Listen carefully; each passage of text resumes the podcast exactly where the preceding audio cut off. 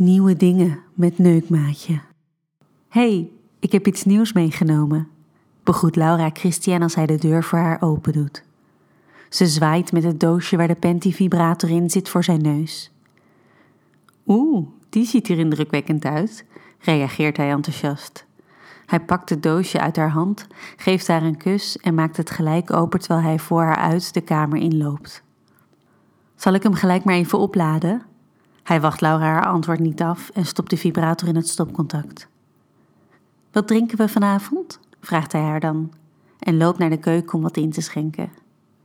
Doe maar gin tonics, antwoordt Laura. Ze volgt hem naar de keuken en kijkt toe hoe Christian met soepele bewegingen de drankjes klaarmaakt. Ze praten wat. Over haar week, over zijn week. Het is praten uit beleefdheid, want ze weten allebei waarom ze hier is. Onder het praten glijdt Laura haar hand in zijn nek, waar ze even met de onderkant van zijn krullerige haar speelt. Dan beweegt ze haar hand verder naar beneden, over zijn gespierde rug, totdat ze bij zijn billen is. Ze zitten strak in de spijkerbroek die hij aan heeft. Als hij klaar is met de drankjes, geeft hij er een aan Laura en duwt hij zijn glas zachtjes tegen het haren. Proost, hè? Hij bukt een beetje naar voren, zodat zijn volle lippen die van haar raken.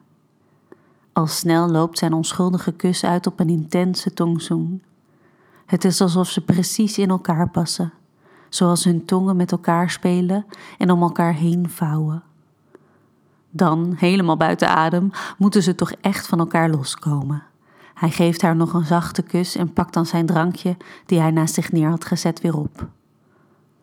Wat gaan we kijken vanavond? vraagt ze hem. Het is wat ze altijd doen, even op de bank een film kijken, terwijl ze zich aan elkaar opwarmen. Maakt niet uit, antwoordt hij. Kies jij maar iets uit. Ik trek nog even snel wat gemakkelijkers aan. Twee minuten. Hij rent naar boven om zich om te kleden. Laura staart naar de tv en neemt dan een rigoureus besluit.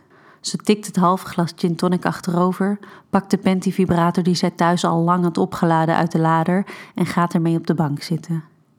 Het uiteinde laat ze even in haar mond glijden en maakt ze goed nat, waarna ze hem in haar string naar binnen duwt. Ze vergeet even door te ademen bij het naar binnen brengen van de vibrator, maar na een diepe zucht zit hij op zijn plek. Zowel in als op haar klit voelt ze de druk van het speeltje.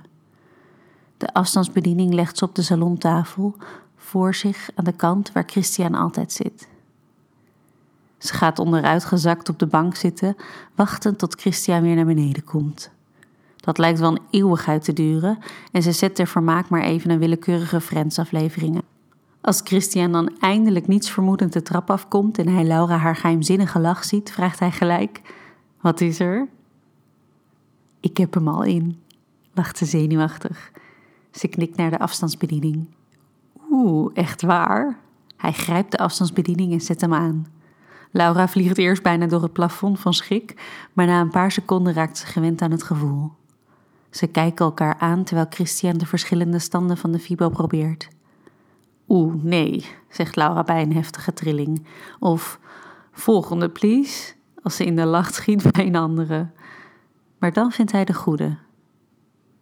Ja, ga door, commandeert ze terwijl ze hem strak aankijkt. Ze zakt nog iets verder onderuit en grijpt met haar handen de rand van de bank.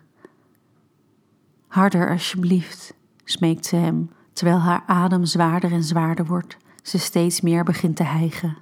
Christian geniet van het uitzicht en de macht die hij letterlijk in zijn handen heeft. Hij voelt hoe ook hij opgewonden begint te raken. Laura heeft haar hoofd inmiddels naar achter gegooid en doet geen moeite meer haar genot te verbergen.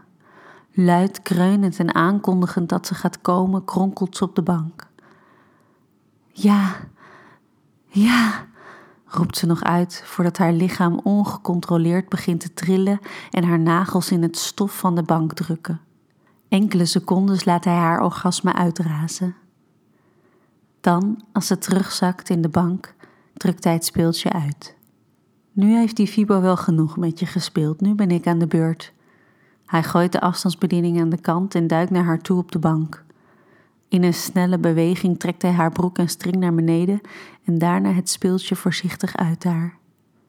Ik wil ook nog even met je spelen. fluistert hij haar toe terwijl hij onder zijn wimpers door naar haar omhoog kijkt. Mag ik? Ze knikt naar hem. Hij altijd. Dit verhaal wordt mede mogelijk gemaakt door Easy Toys.